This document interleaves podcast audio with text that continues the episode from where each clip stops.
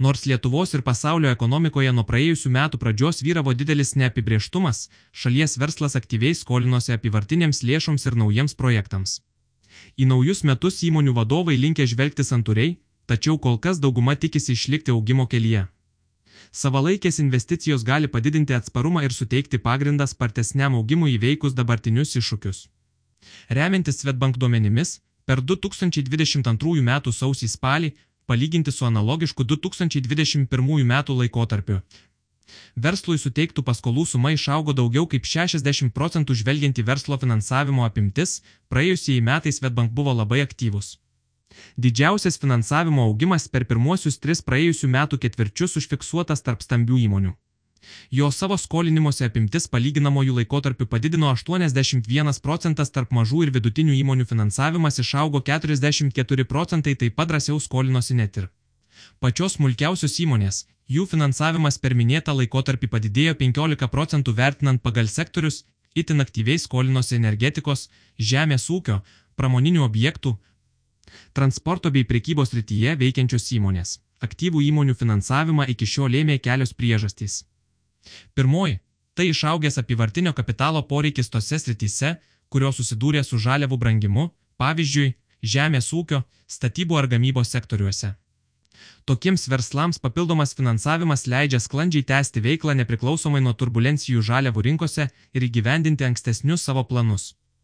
Antroji išaugusio finansavimo poreikio priežastis - verslo siekis mažinti galimų tiekimo sutrikimų įtaką veiklai ir padidinti savo atsparumą žvelgiant į artimiausią ateitį.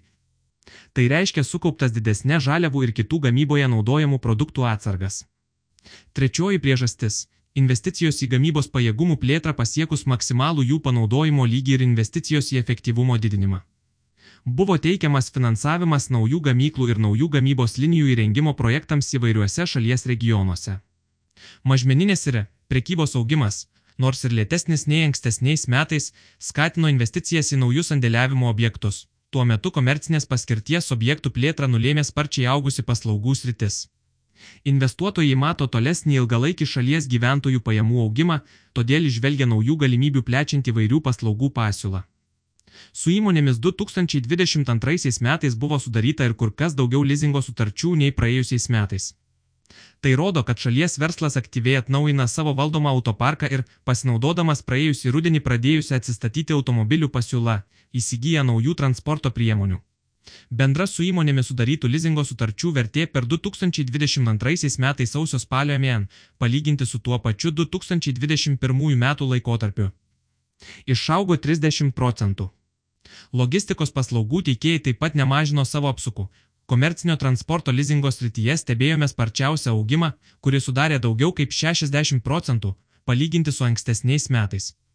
Galiausiai, kur kas daugiau įmonių pasiryžo investuoti ir į nuosavą elektros gamybą, pasitelkus atsinaujinančius energijos šaltinius. Kaip rodo apklausos, įmonių vadovai pakankamai optimistiškai nusiteikia dėl įmonių pajamų, du trečdaliai linkia manyti, kad jos 2023 metais auks ir tik dešimtadalis tikisi jų kritimo. Tiesa, dėl verslo pelningumo jie yra linkę pasisakyti nuosaikiau.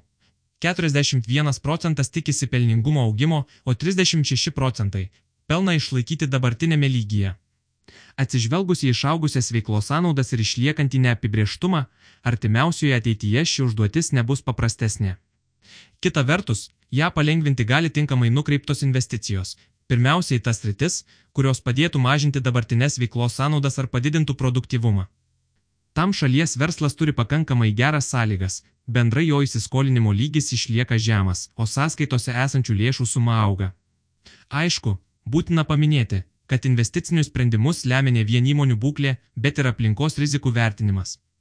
Nors 2022 metais buvo pademonstruotas stebėtinas atsparumas, o metiniai ekonomikos rezultatai greičiausiai bus geresni nei tikėtasi, išbandymai su metų pabaiga nei verslui, nei šalies gyventojams nesibaigia. Įžengus į 2023 metais dabartinės rizikos, tarp kurių yra energijos ir žaliavų kainų sviravimai, tiekimo sutrikimai. Vartotojų išlaidas veikianti aukšta infliacija ir Rusijos karas Ukrainoje toliau bus aktualios ir jos naujų metų pradžioje vienai par kitaip koreguos verslo planus. Daugiau aiškumo galima tikėtis pasibaigus žiemai, nes per ją paaiškės Europos energetinė situacija, centrinių bankų pinigų politikos poveikis infliacijai ir vartojimui, situacija darbo rinkoje. Per pastaruosius keliarius metus turbūt ne vieną kartą buvo galima vadovautis posakiu tikėkis geriausio, ruoškis blogiausiam. Tačiau stabilus įmonių indėliai bei žemas įsiskolinimo lygis rodo, kad verslas yra pasiruošęs įvairiems scenarijams ir leidžia žengti į naujus metus būnant atsargiais optimistais.